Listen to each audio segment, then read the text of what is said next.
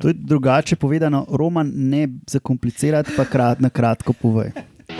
Vse, kaj še so bile metode, pa kako velik akvarij so uporabljali. To sem hotel povedati.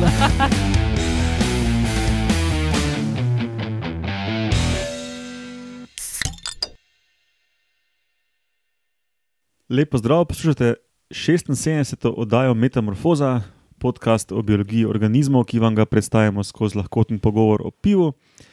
Podcast gostuje na medijski mreži Metina Lista. Danes na vrsti klasična uh, epizoda med novicami uh, o investiciji samcev v spolnost in o tem, da je to lahko tudi evolu evolucijska slepa ulica. Amen. o tem, da rastline tudi nadalje zasnavajo svoje plenilce ali pa potencijalne plenilce.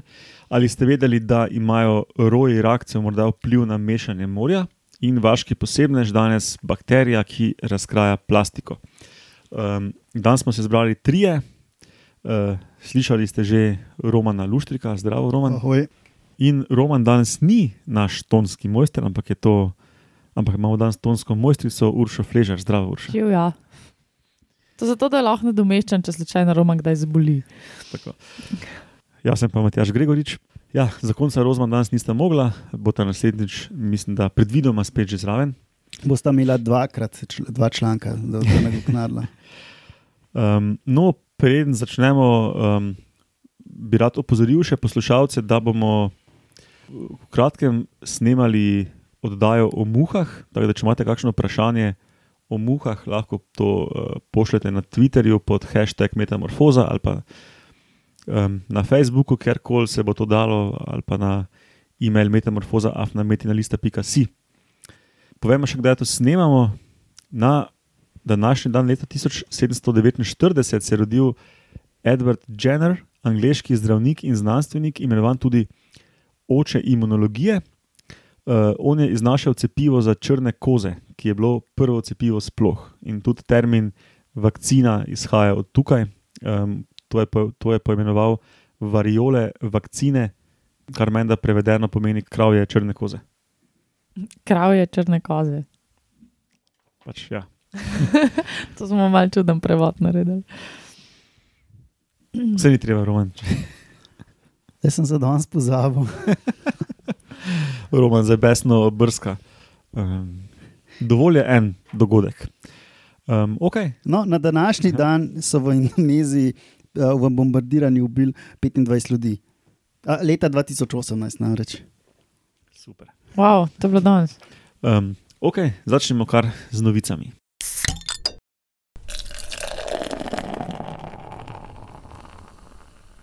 Okay, prva novica je nekaj, kar sem poimenoval visoka investicija v spolnost kot gonilo izumiranja pri rakih dvoklopnikih.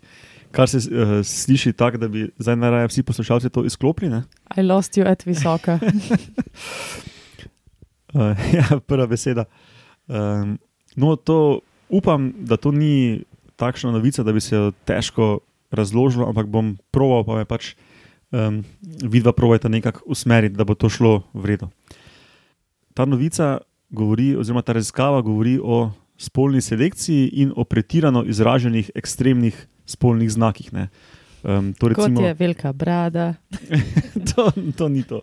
Kot je eh, recimo ful ogromno rogovje, ali pa kakšne ribe imajo samci ogromne, fulbarvite repe. Pa ogromen nos, tako res. Recimo og ogromne genitalije in tako dalje. Ne? Ogromen rep, pol ne moreš več leteti, če si ptič. No, recimo, ja, ali pa težko plavaš, če, če si riba. Ne? In kot si ugotovila, ne, um, te lastnosti so energetsko potratne za razvitne in um, tudi drugače lahko pomenijo za, osebek, za osebke, ki ima neke probleme v življenju. Ne? Ali si recimo z nekim velikim barvnim repom v vodi bolj viden za plenilce in jim teže pobegneš, ali, enostav, ali enostavno skozi odraščanje moraš full energije, metabolne, presnovne energije v to vlagati. Te pač tepe druge v življenju, ko moraš recimo nabirati dovolj hrane ali pa to hrano porabiti za telesno rast in tako. No, in zaradi teh um, potencialnih um, posledic, ki jih imajo ti ekstremni, ekstremni znaki za osebke, ne, za, za samce večinoma, uh, sta nastali dve nasprotujoči si hipotezi, ki jih ta članek testira. Ne. Prva je, da te ekstremne lastnosti zmanjšajo fitness, biološki fitness osebka ne, in zato vrsta, ki ima recimo samce s takimi čudnimi ekstremnimi znaki, da je taka vrsta bolj podvržena izumrtju.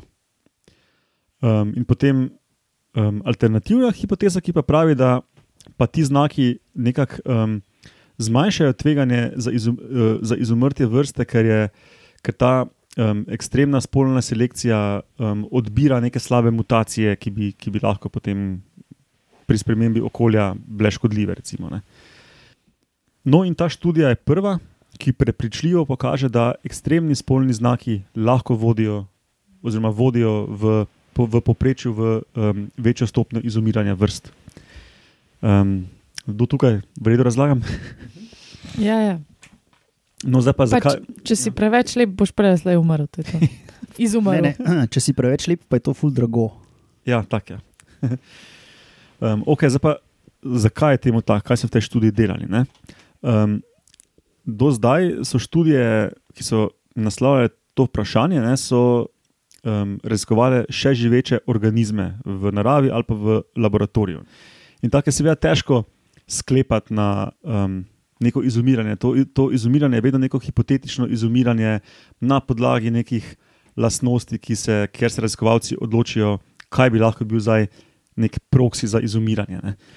Um, no, in te, te študije tak, so kazale zelo konfliktne rezultate. Ne. Enkrat so kazali, da uh, ti ekstremni znaki dobro vplivajo na vrsto, enkrat da slabo, enkrat da nimajo vpliva in tako naprej. Um, no, ta študija pa je prva, ki je pa uporablja fosilne organizme. Ne. Se pravi, organizme, za katere vemo, um, kak je nek, kakšna je neka stopnja izumiranja vrst. Ne. Zakaj pa do zdaj še noben ni fosilov uporabil? Zato, ker za večino organizmov je v, pri fosilih težko spol vedeti, za, uh, dovolj zanesljivo, za dovolj dosti vrstne.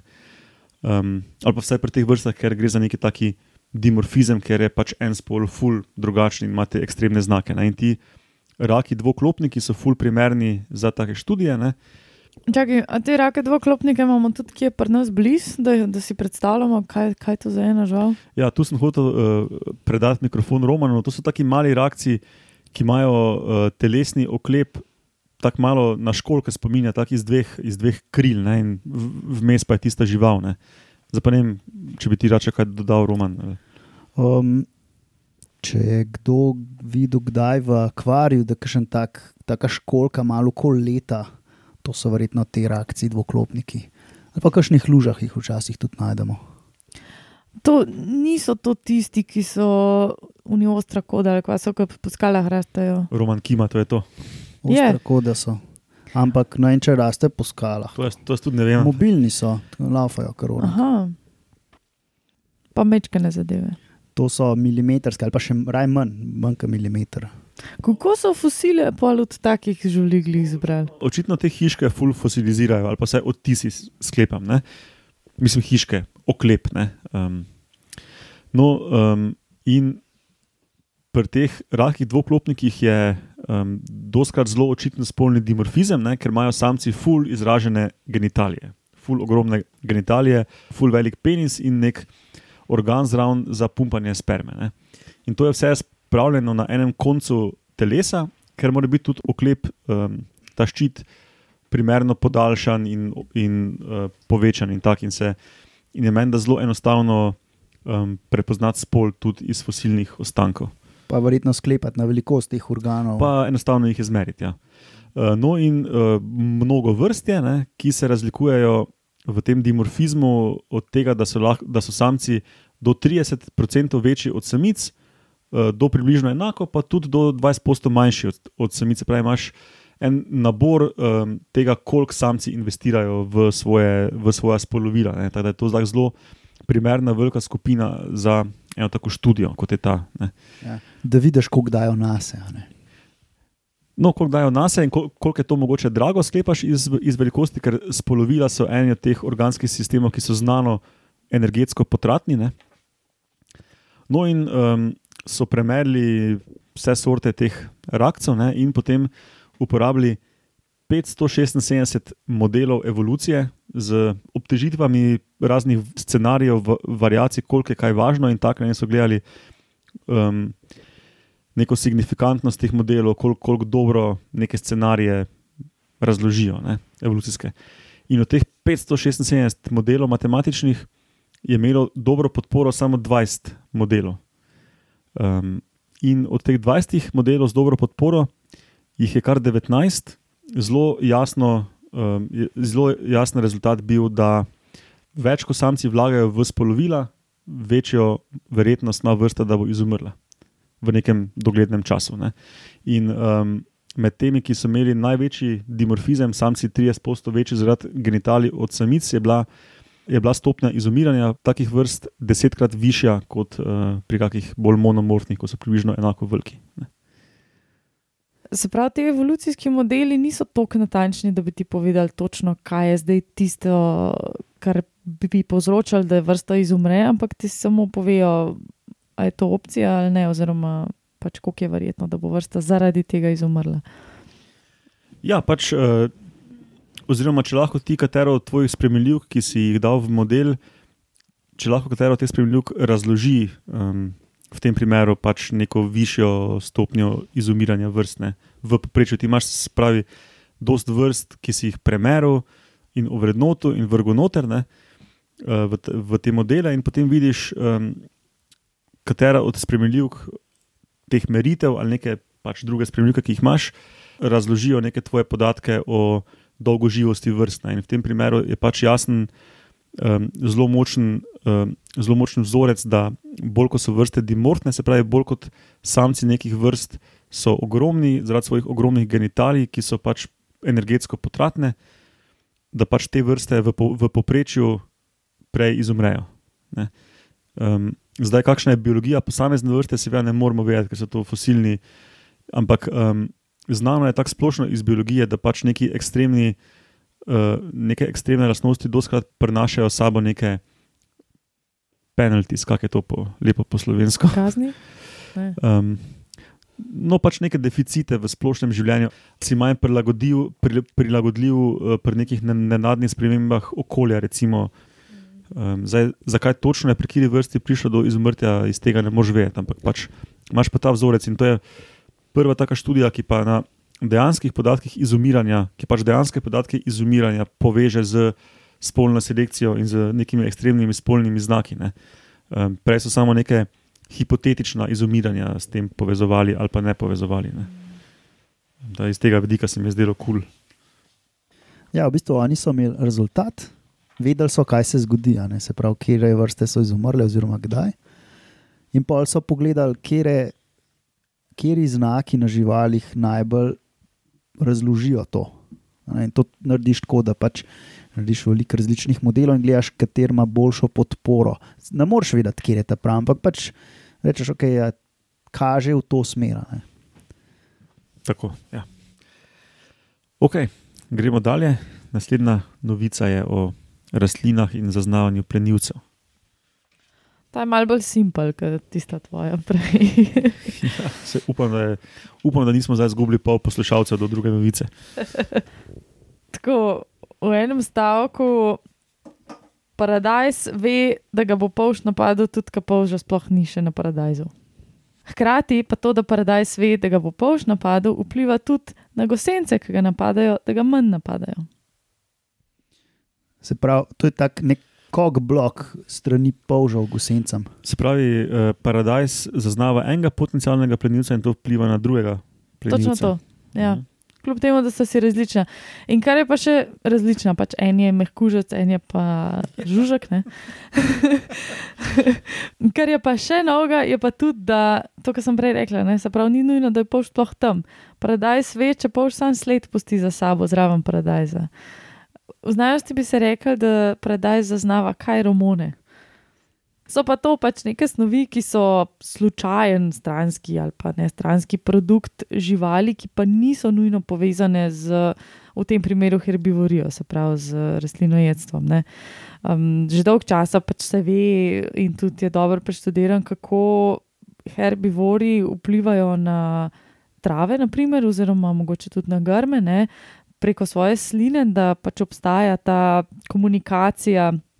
Kemična, ne, med uh, rastlinojecem in med rastlino, da pač rastlina, ko zazna slino na sebi, sproži paniko, oziroma pač se zgodi ta odziv v, za obrambo kemično proti objedalcem, ne herbivorom. No, ampak uh, kaj romoni so pa zadeve, ki jih najdemo v, ne v slini, ampak ne vem, lahko bi bilo drek, švic, um, pač kaj tazga, ne, um, ki bi pa še vseeno nekakšne rastline zaznale in se bo prid uporabljale, da pač vejo, ok, ta švic, naprimer, je bil od. Um, gnuja, ki me bo pojedel, ok, da bomo pripravili obrambo, da, da bo gnu manj jedel, uh, kot bi drugačne. Um, tako da, ja, predaj so očitno ne zazna tisto sluz od polža, če se je polž samo lepo splazil mimo in sproži odziv v smislu povečanih koncentracij tistih svojih encimov. Ne. Tisti encimi, neki specifični, so pa pač tudi zelo repelentni, um, se pravi, odbijajo druge pač rastlinojede, ki paradajz napadajo, to so po tem primeru žužki oziroma gosenice ene specifične, mm, enega specifičnega metulčka, ki se mu reče uh, spodoptera exigua. Ja. Um, in na ta način vpliva tudi, da jih tiste gosence manj obžirajo. To so zmerali čisto enostavno in sicer tako, da so stehtali rastline, pa stehtali so te gosence, um, zmerali so koncentracijo teh encimov v rastlinah. Je bilo pa zelo zanimivo, kako so pripravili to sluz, pač, da so definitivno bili prepričani, da polži sami niso imeli nič s tem, da je paradajz pripravil obrambo da je bila res samo sluz tista, so v bistvu pripravili tak pripravek. Najprej so pol že dali v eno šalčko, so jih pustili, da lezajo po tisti šalčki točno 20 do 22 ur. Uh, Točno. ja, pač piše tako. Um, predtem so jih seveda imeli na neki strogi dieti in potem še stradali, ampak točno 222 so jih pa pustili v šalčkah. Potem so nekako neki posebni uh, raztopini tisto sluz raztopili in potem z njo, s to raztopino oziroma sluzjo, ki je bila v raztopini raztopljena, špricali paradajzene. In potem so imeli, seveda, kontrolo, pa imeli so kontrolo samo z raztopino in so gledali, kakšne so razlike, čisto enostavno, kot sem prej rekla, v tehtanju. Ne. Pa ni v Sloveniji tudi ena firma, ki neke kremice, ne vem, kakšne oh in sploh uh, mega dobre, super, vsem pomaga, kremice dela iz uh, polžje sluzi in jih kao nekaj mozejo. To pa v članku ni pisalo. Ampak ja, ja, verjela ne, bi. Mislim, vem, vem, da to v članku ni pisalo, ker nima veze. Ja. Ampak da, da, ja, pač. Um, um, se očitno polžijo sluz dobiva tudi za komercialne namene, ampak nimam pojma, kako. Mislim, tudi te polži, ki so jih uporabljali, so v bistvu, to sem najdela na internetu, so najbolj razširjena vrsta polža za farmsko rejo. Tudi pri nas. Še posebej v Mediteranu. No? Neki heliksi, neki veliki vrsti polžja. Aspera. Aspera, ja. Zdaj, ponašanje bi se temu rekli vrtni slamnati polž, pač ni un veliki vrtni polž po maciji, ki ga vsi gledamo, ne? ampak je en drug um, je zelo tak, um, očitno jedljiv, paš, eskargo. Ja, ena fora je, ampak z njim, ampak eh, sem pozabil točno, kje. Predvsem pa to, da pač ti rejci imajo to vrstno in pol. A nismo enkrat imeli nekaj že podobnega, ki so paradajzi se med sabo pogovarjali, da je en paradajz bil napaden in pol je oddajal pač te neke snovi, in so drugi paradajzi to zaznali in so začeli obrambo pripravljati, in pol so bili bistveno manj objedeni. Mislim, da je bila neka taka fora. Poglej v zapiske, ne, tam v tisto Excel, pa zihar piše. Zihar piše, ja. To. Rastline na splošno, očitno še posebej pa paradajz, imajo kar hardcore kemično orožje, no. dobro deluje. Se verjetno imaš nekaj, ampak spet um, paradajz pa grah sta tako ful pogosta v laboratoriju. Um, pač očitno kot ta um, veliki vrtni slamnati pavšek. ja. um, ok, gremo na. Ali ste vedeli? Ja, ja, ok.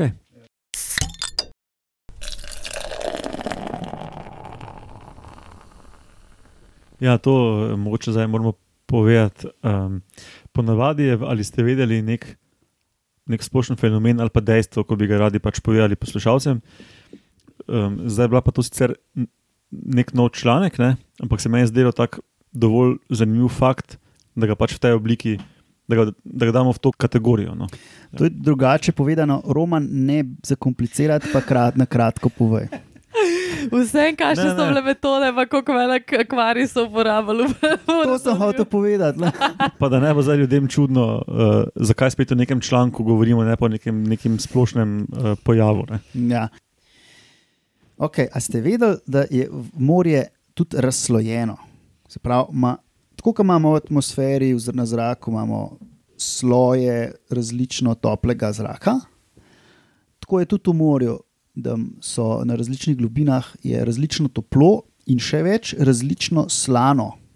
Se pravi, eni sloji so bolj slani, drugi so manj slani. To so neki potapljači, vi- vejo, da je tako lahko kar ogledalo na eni globini in sploh ne vidiš dol ali pa gor. No, in kako pa pride do tega mešanja? Zdaj, ena opcija je, da veter to malo zameša. Čakaj, pol ti sloji se mešajo. Načeloma ne. To je recimo tudi problem v Tržaškem zalivu, ko se ta zgornja plast greje in pol to ni, ni nobenega, da bi lahko to premešal, mislim, ni načina, kako bi to premešala, in ostane razslojeno. In pol tista slo, tisti sloj od spodaj ne dobi kisika in začne gniti, in cel Tržaški zaliv praktično pocrkne. To so leta ne vem, 83 prvič zabeležili. Zato, ker pač naše kanalizacije grejo pa direkt v ta sloj noter in ni mešanja, in pač sam še pospeši. Tako da Tržaški zaliv je mrtev praktično že 30 let, vsaj. Okay. Ampak ni pa posod taka situacija. Imamo pa v oceanih velikih, um, imamo pa velike roje uh, različnega planktona, ki se dnevno gibajo gor pa dol po vodnem stolcu in to lahko stotine metrov gor pa dol. Ne? In to je ne, majhen rakec, par centimetrov in gre gor pa dol. In so uh, pokazali, da če imaš, imaš veliko teh živali, lahko tako um, kumulativno, kako se to slovensko reče. Skupno. Ja, skupno pač, ja, pač nabira se.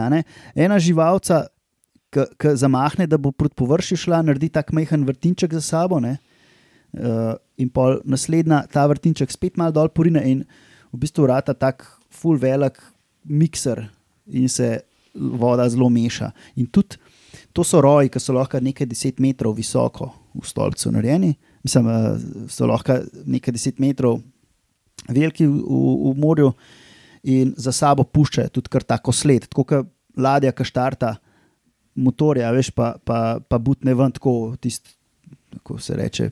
Voda. Ja, pač, bravo. Ja, ladja vrhne vodo. ven. Uh, taka sled se pojavlja za ladjo. No, isto je za temi roji. Uh, in to je uh, re, relativno veliko, mislim, več, kot bi pričakoval, ne glede za tako majhne živalce.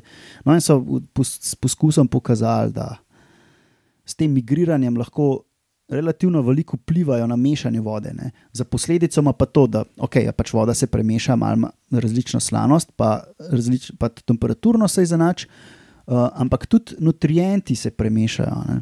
Tako da se v bistvu te živali lahko na, po svoje hranijo same sebe, ne, ker nutriente pomagajo, da se premešajo. Pa za več, za več obstoječ ekosistem tam mešajo vodo, ne, kar je. Ja. Celi ekosistemi uh, se za, zanašajo na to vertikalno mešanje. Ne. Ja. In ne, če si predstavljaš, oni so imeli to en tak majhen rojček v, v akvariju, ne vem, 50 tisoč živali. No, ampak ti imaš pa v, v Severnem morju, to se s helikopterjem ne vidi konca tega, teh rojev, eh, kril rakcev. To je tako pač kilometre velika zadeva. Ne. In koliko to še lepo mešajo. ne. In kaj se, bolj se, pa sem se vprašal, kaj se dogaja, ko mi to izlavljamo prekomerno. Ne? A tudi verjetno vpliva nekaj na globalno ali pa na večjo skalo, eh, na hranila in posledično tudi na vse živali, od rib, kitov, majhnih rakcev. Ja, sigurno. Tako da je ja, zanimivo, no, da so, so zdaj so še pokazali. a ne. Sicer je bilo znano, da ti roji mešajo vodo. Ne. Oni so pa prav pokazali z nekim barvanjem, mislim, bar, neka barvila so dal noter in jih pol. Ups. No, jaz tudi tega nisem vedel, da pač, um, so sploh hipoteze, da ti um, roji kril rakcev pa mogoče, um, pa mogoče prispevajo k temu mešanju. Tako Da mi je to bilo tako kar mind blown fact. Ne. Jaz sem ga mogel dati v podcast. E, Kaj ostale stvari so pa še tokovi, pa veter. Veter je en tak uh, pomemben, ja, ki zapiha nad vodno gladino in to vodno gladino začne premikati, in ker se premika, uh, začne pač mal mešati. Ampak to je, deluje samo do neke, do neke globine, ne? Sve, odvisno od hitrosti vetra in od tega tudi odvisno, kako globoko gre. Hitreje, ko gre veter, globi to premeša. To se recimo v jezerih dogaja spomladi, ko veter zapiha in takrat premeša jezera, in pol se pa čez uh, poletje se pa spet razslojijo. Tako da, ko greste v Bohan, poletje, meter, meter pa pol, mogoče dva, je relativno toplo, ne?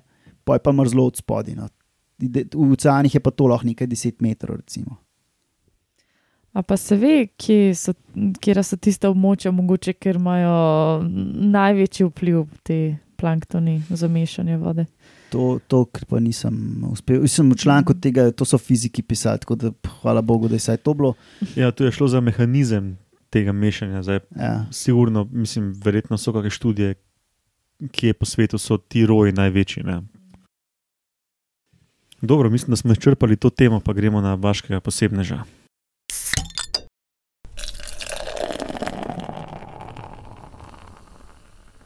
Ok, vaški posebnež danes je bakterija z imenom Ideonela sakajensis 201 pomišljaj F6. To ne, sam, ne samo vrsta, tudi sev. Ja, sem jih reči, to je to poimenovanje sevov, ki jih imajo milijarde in pol, pač moraš številke in črke dati.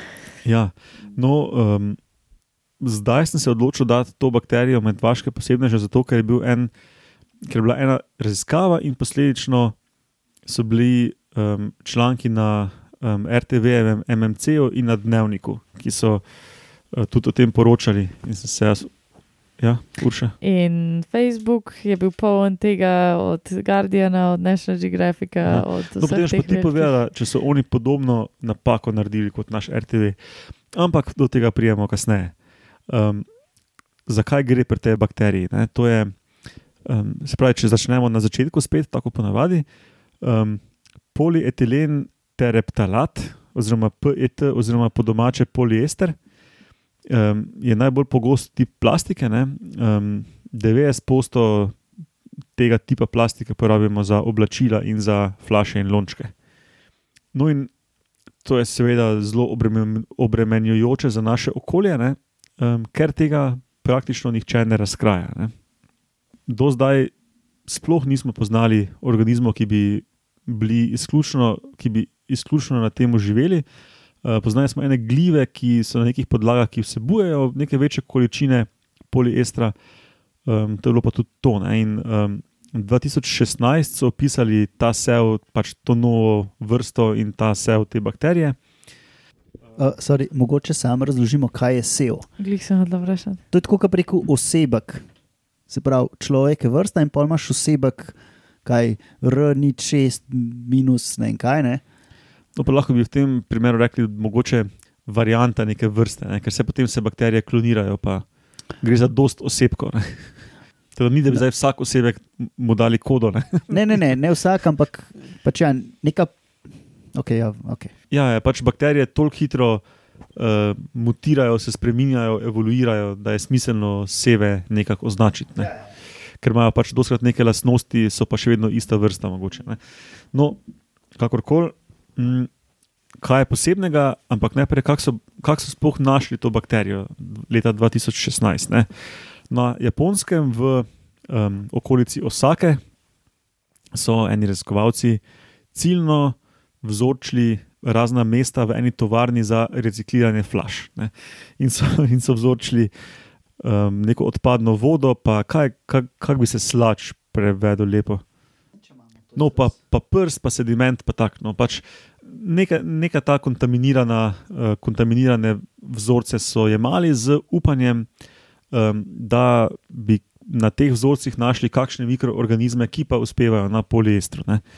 In so vzeli 250 vzorcev, in so uh, potem pač uh, mikroorganizme iz teh 250 vzorcev gojili na uh, gojiščih iz 60 mg poliesterskega filma. Ne. In glede ga zlomka, ne, en od 250 gojišč je bil zadetek polno. Ne. No, in uh, seveda so hoteli vedeti, če lahko kateri mikroorganizem izključno poliester uporabi kot glavni vir energije in oglika za svojo rast in razvoj. No, in v enem od teh 250 vzorcev so našli um, biofilm te bakterije, Ideonela sakajensis 201, pomišljaj F6. Čak, to je bilo leta 2016, še vedno. Ja, Okay. In takrat, pač dobro, mogoče so vzorčili kako leto prej, ne, ampak 2016 je izšel ta članek, kjer so opisali to vrsto in um, tudi opisali, da sta dva encima, ki jo pač ta bakterija ima, um, da ta, ta dva encima sodelujeta pri razgradnji poliestra. Ne. Enega hidrolizira v neke, v neke malo bolj simple produkte, pol pa še tisti drugi encim te malo bolj simple produkte razgradi na neke monomere, na neke enostavne molekule, ki jih potem lahko bakterija ponuca um, v metabolizmu. Ne. No, ta dva encima sta petaza in metaza. Kakorkoli. No, um, in točno pred enim mesecem je išla pa ta študija, o kateri so poročali, kot se je rekla. Guardian in vsi news outleti, eh, vključno z RTV-om in Dnevnikom. Uh, zato, ker je v tem novem članku so pa um, raziskali so 3D strukturo te petaze, spravi tega encima, ki um, hidrolizira poliester, in hkrati, da so mu pač natančno določili 3D strukturo, so glede na znano 3D strukturo spremenili točno določena mesta, uh, za katera so sklepali, da so pomembna za vezavo na substrat, na poliester. Ne, so neke variante teh mest delali, da bi mogoče ugotovili, uh, kaj točno pri tej strukturi je važno za razkroj poliestra. Ne. In ena od teh variant, ki so jo proizvedli, je bil encim, ki je celo boljše delal. Ne. No, in um, to je sicer unexpected, ne, kot, bi, kot so se izrazili uh, raziskovalci v članku. V naših medijih so pa na RTV-ju poročali, da so znanstveniki po naključju odkrili to. Ne. Ampak to je vse drugo kot naključje. Ne. Ti si najprej so pred par leti zelo ciljno vzročili um, tovarno za recikliranje flash, določili zelo ciljno encime, ki so odgovorni za to, potem so pa ti z zelo dosti znanja, zelo specifične dele na teh encimih spremenjali. Ne. Se pravi, um, to ni na ključe. Ja, verjetno so. Ampak, pač, ampak, ja, ampak sklepam pa, da je pač to nekje v prevodu, ko so sklepam, da niso naši novinari in jih tudi nočem zdaj preveč šimfati, no niso šli glih uh, originalnih člankov brati, ampak se je to že mogoče v kakšnem Guardianu malo s prevodom zgubilo, ali pa angliščina, slovenščina, pa tako. Mislim, jaz sem, jaz sem bitek prebrala celo zgodbo, tako da sem vedela, da so probali modificirati ta encim, oziroma da so to delali z namenom, da točno vidijo, kako deluje in da lahko potem pač ga magar tudi začnejo sintetizirati, ne pa masovno uporabljati za namen recikliranja plastike. Nisem, ne vem, kako točno, ampak je pa res, da pač, veš. Mi vemo, kakšen je, kakšen je pomen, pa teža pač neke določene besede, ki jo zberemo, zato da opišemo ne, svoje. Ja, ja, ampak jaz sem hotel pač poudariti ne, za kontrast, ne, da pač to ni nek. Um, Nepričakovano neka, neka so. naključna Ne? najdba, ampak v bistvu je za tem stalo zelo dosti znanja. Ne? Ja. Da so ti, pač, ki zelo dobro poznajo encime, proteine, ne? vedeli tudi, katera mesta na kak način spremenjati. No, ja, ampak je pa, Slišiš se pa super, ne? ja, je pa absolutno zanimiva bakterija in si zasluži biti vaški posebnež v našem podkastu. ne. No, ja, tako da to je to. Um, druge, druge vsebine danes nimamo, tako da lahko zaključimo. Če bi nas uh, radi kontaktirali, uh, vse sodelujoče na podkastu s kakršnim koli vprašanjem, kritiko, čemerkoli dobite na e-mailu metamorfoza.afnametenlista.si, um, drugače Romana osebno na Twitterju, na etromunov, um, Uršo, et Gozna Jožica in mene, et Matjaš Gregorič.